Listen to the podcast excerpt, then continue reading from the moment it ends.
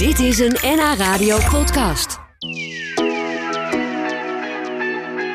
Ik ga praten met twee kunstexperts, Odette van Ginkel en Bente Tupker. Zij zijn sinds kort de eigenaar van veilinghuis Adams Amsterdam.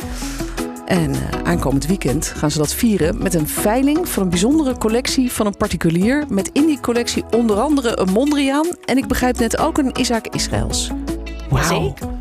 Nou, leuk dat jullie vandaag even hier zijn. Maar, maar hoe spannend is dat? Zo'n eerste veiling en dan gelijk met zulke klinkende namen die onder de hamer gaan. Nou, dat is eh, redelijk spannend. Ik moet zeggen, het is niet helemaal onze eerste veiling, omdat we ook eh, een samenwerking hebben met de NRC en NRC veilingen maken. Maar dit is onze eerste uh, collectieveiling die we, die we gaan presenteren. En ehm, van, van inderdaad één eigenaar, 50 stuks in totaal. En dat is op, op eigen kracht best... dat is best spannend. Best spannend. Wel een dingetje, hè? Ja, ja onder de NRC-vlag, maar helemaal van onszelf. Ja, dus, ja. nou, daar gaan we het straks nog wel even meer over hebben. Maar ik wilde even weten hoe het eigenlijk zo gekomen is dat jullie samen een veilinghuis hebben overgenomen. Want dit bestond dus al. Op de, op de gracht zit het ergens, hè? De Herengracht. Ja. En, en hoe kwam het dan dat jullie dachten, wij gaan dat gewoon overnemen? Jij werkte er al? Ik werkte er al. Uh, we hebben samen heel lang bij Christie's gewerkt. Kun je bij de microfoon blijven? Sorry, ja, zeker. Uh, bij Christie's gewerkt. En uh, op, op een gegeven moment uh, nou, zijn we er al bij vertrokken. En was ik, ben ik al één dag per week gaan taxeren bij Adams. omdat de eigenaar me dat gevraagd had. En dat is weer twee dagen. En langzamerhand bleek dat de eigenaren erover dachten om te verkopen. En toen liepen Bent en ik een keer in het Vondelpark. En toen vertelde ik dat. En toen begon Bent helemaal te stralen. Dus ja? Dat is het. Oh. daar moeten we iets mee. Ja, daar moeten we iets mee. Ja. ja. Wat mooi. Was dat dan al heel lang een droom voor jou? Nou, eigenlijk niet. Want ik denk dat er niemand gek genoeg is eigenlijk om uh, een veilinghuis uh, te beginnen of over te nemen. Want het, het, is, een, het is best een lastige business. En uh, ja, waarom zou je dat, waarom zou je dat eigenlijk doen? Maar ja, Odette en ik hebben samen gewoon een heleboel mooie veilingen gemaakt in het verleden. Um, en um, veilingen maken kunnen we wel. Maar hier kwam ineens een nieuw aspect om de hoek. En dat is ook ondernemen. En dat leek ons eigenlijk toch ook gewoon wel heel erg spannend om, Ja, dat, eh, om dat te doen. En het is, eh, niet, het is niet een heel groot bedrijf. Het is best een, een, een, een bedrijfje om te overzien nog, maar wel met veel potentie. Ja. Dus ehm, ja, uiteindelijk eh, heeft dat ervoor gezorgd dat we de sprong hebben gewaagd. Ja, Ja, wel spannend. Het, het is een beetje een mannenwereld, heb ik het idee. Maar dat komt misschien door die veilingmeesters die je, die je altijd op tv ziet. Dat zijn bijna altijd mannen. Of valt het in de praktijk wel mee? Het zijn eigenlijk ook heel veel vrouwen. Het zijn, ja, Ja? ja? het zijn, zijn voor- steeds meer. Het, het, het, is, het, het waren heel veel mannen. Eh, hier in Nederland zijn er sowieso veel, veel vrouwelijke veilingmeesters. Eh, maar ook in de, de, de mannelijke bolwerken in Londen, daar ook steeds komen eh, steeds meer vrouwen toch wel eh, Ja. bovendrijven. Ja, Ja, jij hebt Ja. daar ook gewerkt. bij- veel. Geveild. Ja, de, de basis voor mij is wel altijd Amsterdam geweest bij Christie's. maar ik heb ook veel veilingen inderdaad in, in Londen gedaan voor Christie's. Ja. Ja, en je zei net, wij kunnen wel goede veilingen maken, want dat hebben we vaak genoeg gedaan. Maar wat bedoel je dan? Wat, wat maakt dat iets een goede veiling is? Ehm, nou, het begint eigenlijk met de selectie van, van het aanbod. Je krijgt meestal een, groot aanbod en daar moet je een selectie uit maken. Die moet zorgen dat het een soort gebalanceerde veiling is. Met, eh, nou, in dit ge- bijvoorbeeld NRC-geval eh vroege kunst, maar ook wat latere kunst in de verschillende prijsniveaus. Dus je moet een Voor soort elk wat goede- wils eigenlijk. Ja, een goed Ja. gecureerde veiling moet je eigenlijk eh, daaruit zien te maken. Je moet een goede taxaties eh, eraan geven. Dat is natuurlijk belangrijk. Als je te hoog schat, verkoop het niet. En te laag is ook, niet, nou, is ook niemand tevreden. Dus je moet er nee. goede, nou ja, de koper misschien. Maar... een goede balans Ja. in zien te vinden. En nou ja, er zijn allemaal aspecten zeg maar, die, die, die ervoor zorgen dat je een, goede veiling kan maken. Ja, ja. En nu hebben jullie dus een eigen veilinghuis. En wat, wat betekent dat voor jullie? Wat doe je dan? Wat houdt je werk dan in? Je moet natuurlijk dan ook ondernemen. Je bent opeens. eh, Zeker. de het werkgever? Is, eh, ja, los van het, eh, van het veilingen maken, eh, wat, we, wat, we kunnen en wat we goed doen, ehm, is er ineens ook een aspect van eh, personeel, administratie, maar vooral ook nieuwe ideeën. Wat, wat gaan we doen in de toekomst? Wat willen we toevoegen aan wat er eigenlijk al staat? We zijn ontzettend blij met de samenwerking met NRC, maar we zouden dat ook graag willen uitbreiden met een met ander soort samenwerkingen met andere partijen. Ehm, plus dat die, die collectie die we nu doen en van één iemand, dat willen we ook uh, voort blijven zetten. En dat kan zijn omdat het een collectie van een bekend iemand is, of omdat het de collectie aan zich een heel bijzonder iets is. En dat heeft het Veilinghuis in het verleden ook gedaan. Zo hebben we de archieven van Jan Kremer geveild. Uh, we hebben um, uh, de collectie van Frans Molenaar geveild. Oh ja. Uh, dus dat zijn ook aspecten van dit veilinghuis wat we zeker ook door willen zetten. En de collectie die we dus dit weekend gaan aanbieden, dat is ja, de eerste grote stap daarin. Ja. ja, en gaan jullie dan ook langs bij allemaal mensen die kunst aan willen bieden? Bijvoorbeeld een hele collectie. Ga je dan thuis in zo'n heel mooi huis wat helemaal vol staat met zeker. prachtige dingen? Graag. Ja, ja. ja. ja. dat lijkt mij ook wel leuk op zich. Maar, maar hoe, hoe gaat dat? Want het is ook wel heel privé. Je komt echt bij de mensen thuis en misschien zelfs wel in de slaapkamer als daar een, uh, een Mondriaan hangt. Ja, het is meteen wel echt. Uh, je krijgt meteen ook weer verhalen erachter te horen. Dus je hebt meteen wel een soort band met iemand. Het is wel, het is wel bijzonder dat, het, dat je die kans krijgt om. Uh, om zo bij iemand thuis te komen en alles te bekijken. Ja. ja. Wat is het meest bijzondere plekje waar je geweest bent? Of huis of, of villa oh, of weet ik veel waar je, waar je dacht, wauw dat ik hier nou toch gewoon maar mag rondlopen. Nou, ik nou, moet zeggen, met, deze, collectie, ja. die, we, die we nu gaan veilen, uh, uh, wat eigenlijk een prachtig overzicht van de, 19, de Nederlandse 19e eeuw is. Zit wat 18e eeuw bij, zit wat 20e eeuw bij, maar over het algemeen is het een prachtige overzicht van de, van de 19e eeuw. Nou, dat hing in een, in een uh, of een deel daarvan hing in een, in een kasteel in België waanzinnig. Echt waanzinnig om te zien. En, daar zijn jullie ehm, geweest? Ja, ja, daar zijn we geweest. En oh. ja, dat zijn toch wel de parels uh, ja, en, en, en, die dit werk natuurlijk gewoon fantastisch maken. Ja, ja, heel mooi. Hebben jullie eigenlijk ook een soort specialisme bij het Veilinghuis? Of pakken jullie gewoon alles wat er binnenkomt? Wie er ook maar belt. Ik heb een collectie. Of het nou middeleeuwse kunst is, of oude meubels, of klokken, of uh, schilderijen van nu. Nou, het zwaartepunt ligt wel bij moderne en hedendaagse kunst, maar veilig ook 19e eeuwse kunst, oude meesters, um, wel uh, beelden ook, fotografie zijn we mee bezig. Um, maar het grootste aanbod ligt wel bij moderne en hedendaagse kunst. Ja, doen jullie ook in die ESF's of zo, hoe heet die? die, die, die NFT's. NFT's, ja. Nee, ik roep ook maar wat. Nog niet. Nog niet. nee, dat, want dat, zijn, dat, vind ik, dat vind ik zo wonderlijk. Uh, ja. ik, ik, was laatst in dat uh, Moco Museum op het, uh, in Amsterdam. Maar daar hadden ze dan zo'n hele afdeling met de NFT's. Dus dat zijn eigenlijk een soort digitale afbeeldingen die je koopt... Ja voor heel veel geld. Dat zijn een soort collectors items.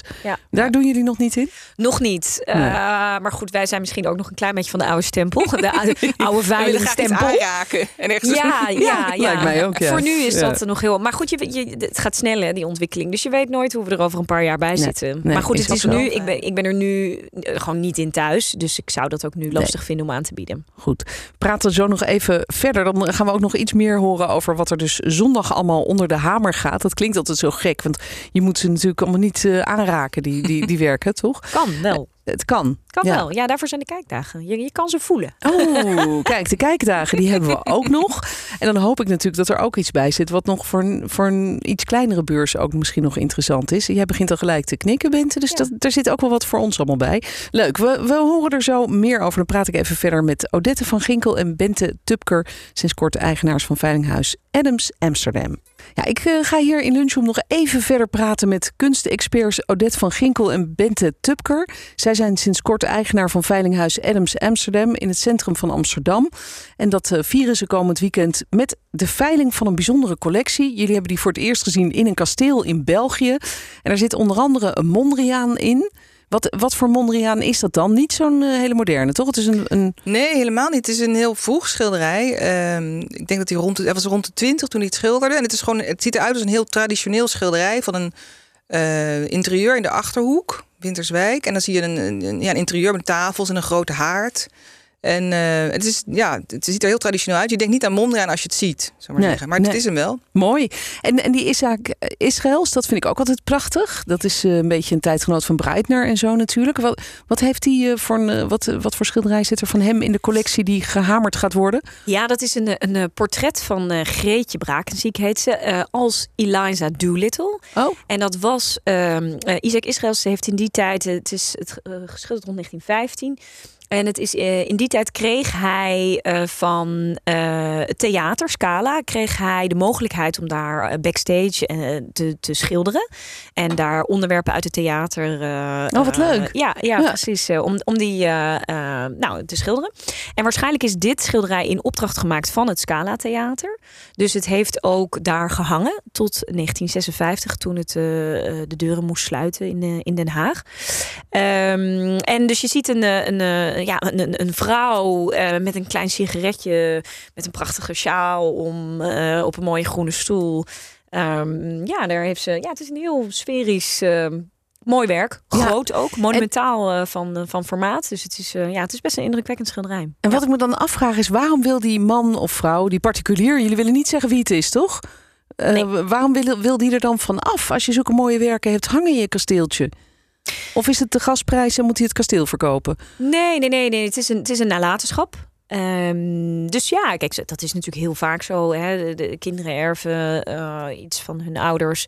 En niet alles eh, ja, kan je meenemen. Dus vaak, Ja, ja. vaak is dat natuurlijk de reden eh, waarom collecties, zeker als, ja, als de ouders overlijden, dan, ja, dan, Ja, dan, dan wordt het er verkocht. Ja, precies. Ja. Ja. En wat verwachten jullie ervan zondag? Want bijvoorbeeld zo'n Mondriaan, wat, zou zo, wat, wat is de richtprijs? Waar moeten we dan ongeveer aan denken? Eh, de Mondriaan die staat eh, zo tussen de 25 en 35.000 euro. Nou, dat vind ik nog helemaal niet zo duur voor Ja. een Mondriaan. Ja, ik bedoel, ik heb het niet, maar Ja, het is, het is natuurlijk geen late mondriaan, dus dat bepaalt natuurlijk ook de, de, de prijs. Die is anders, maar dat is, eh, het is ook denk ik wel een rustige taxatie. En daar is wel interesse voor ook, dus dat is wel heel goed. Er zijn al biedingen op. Ehm, ja, dus we verwachten wel wat van. We weten nooit precies wat er gaat Nee, gebeuren. Maar... Nee, maar ja, bij Mondriaan denk ik gelijk, daar komen internationale Miljoenen. eh, bieders en dan komen er miljoenen op tafel. Ja, toch? Ja, nee, dat, dat is natuurlijk zo als het wat later werk is. En, eh, en eh, als hij zijn eh, abstracte werk eh, manier gevonden heeft natuurlijk. Maar voor dat vroegere werk zijn, liggen die prijzen natuurlijk gewoon anders. Ja. Maar het is wel heel interessant. Omdat bijvoorbeeld ook van die, die periode in Winterswijk. Daar is niet heel veel van. Komt ook niet veel op de markt. Ehm, dus, eh, dus het is best bijzonder dat we Ja. er eentje hebben. Ja. Ja. Ja. En ehm, nou ga je dat eh, zondag veilen. En eh, dan vroeg ik me af, zijn, zitten daar dan allemaal hele rijke mensen en kunsthandelaars in de zaal? Of heeft het, is het ook nog leuk voor, voor gewone kunstliefhebbers die niet zo'n grote beurs hebben om, om te gaan kijken, bijvoorbeeld op een kijkdag of misschien zelfs bij de veiling zelf? Absoluut, dat kan. Eh, we hebben dus zaterdag en zondag kijkdagen. En de, de veiling is zondagavond erachteraan. Dat is gewoon openbaar voor iedereen. En bij een veiling en kunst denken mensen inderdaad vaak van... oh, nou, dat is, dat is eh, niet te betalen. Maar het is een mooie doorsnee van die 19e eeuw. Wat ook betekent dat ook de prijzen eh, ehm, erg variëren. Dus eigenlijk de eerste... De laagste instap is, ligt al op 500 euro. Dus er is een werk waarin je al vanaf 500 euro kunt bieden.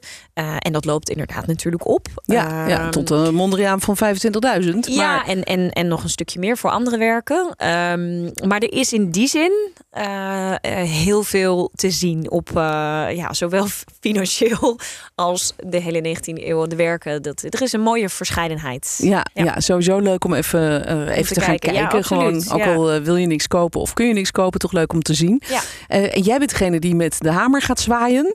Hoe, dat heb je vaker gedaan. Hoe doe je dat nou? Dat je zorgt dat mensen zoveel mogelijk, want je wil natuurlijk de beste prijs voor jouw eh, verkopende partij. Hoe zorg je er nou voor dat mensen een beetje door blijven bieden? Ja, ehm, nou ja, goed. Kijk, van, van, je hebt natuurlijk altijd mensen nodig die ook van plan zijn om te bieden. Daar begint het natuurlijk mee. Eh, maar het veilen, ja, dat, dat, dat heeft verschillende aspecten. Het moet eh, cijfermatig moet het goed gaan. Maar je wil het liefst natuurlijk ook contact maken met, eh met degene die in de zaal zitten. Dit is een live en online veiling. Dus mensen kunnen ook vanuit thuis de, de veiling volgen en meebieden. Dus je hebt ook te maken met een camera waarin je eh, ja, moet, de- tegen wie je moet spreken, zeg maar. Oh. Eh, Dus eh, Wat spannend, joh. ja, en het is, het is natuurlijk vooral gewoon ehm zaak om, om, om mensen te betrekken en, en te overtalen van goh, weet u het heel zeker? Is dit echt de laatste bieding? Maar Eh, probeer eens, doe eens hoe, hoe het dan zou kunnen gaan. Dus Stel, we hebben de Mondriaan hier staan. En eh, beste Mondriaan. mensen, hier staat de Mondriaan. Eh, Kijk eens even hier. we hebben hier 20.000, 20.000, 22.000, 24.000. Weet u het zeker? Wilt u echt niet meer mee? 24.000. Hebben we hier 24.000. Laatste kans voor u. Weet u het heel zeker? 24.000. Verkocht. Bam. leuk, leuk, leuk. Ja, Ja, het ja, lijkt me ja, een, ja. een, een prachtige baan en ook wel een hele spannende. Want er staat, alle ogen zijn op je gericht en je moet ook de hele tijd die rekensom goed in de gaten houden met die online mensen, de biedingen erbij. Ja.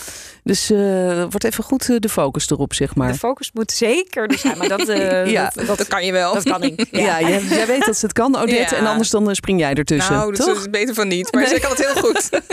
Oké, goed. Zondag dus de veiling. We kunnen allemaal gaan kijken. En ook op de kijkdagen. Die zijn nog eh, zaterdag en zondag overdag. Ja, op de Looiersgracht. Op de, oh, dat, dat, dat is op de Looiersgracht. Ja, dat is wel goed Andere om erbij te locatie. zeggen, want we hebben een andere locatie, omdat dat niet eh, past eh, bij ons op kantoor. Oh ja. Dus het is op de Looiersgracht nummer 60 in Amsterdam. Is daar dan ook de veiling? Daar is ook de Ja, veiling. daar is ook Op zondagavond. Ja, op zondagavond. Nou, goed om te weten. Dank dat jullie er waren. Leuk om eens eh, te horen hoe dat in zijn werk gaat in een veilinghuis. Odette van Ginkel hoorde je samen met Bente Tupker van Veilinghuis Adams Amsterdam. En heel veel succes zondag. Dank. Dankjewel. Dit was een NH Radio podcast. Voor meer, ga naar nhradio.nl. Radio.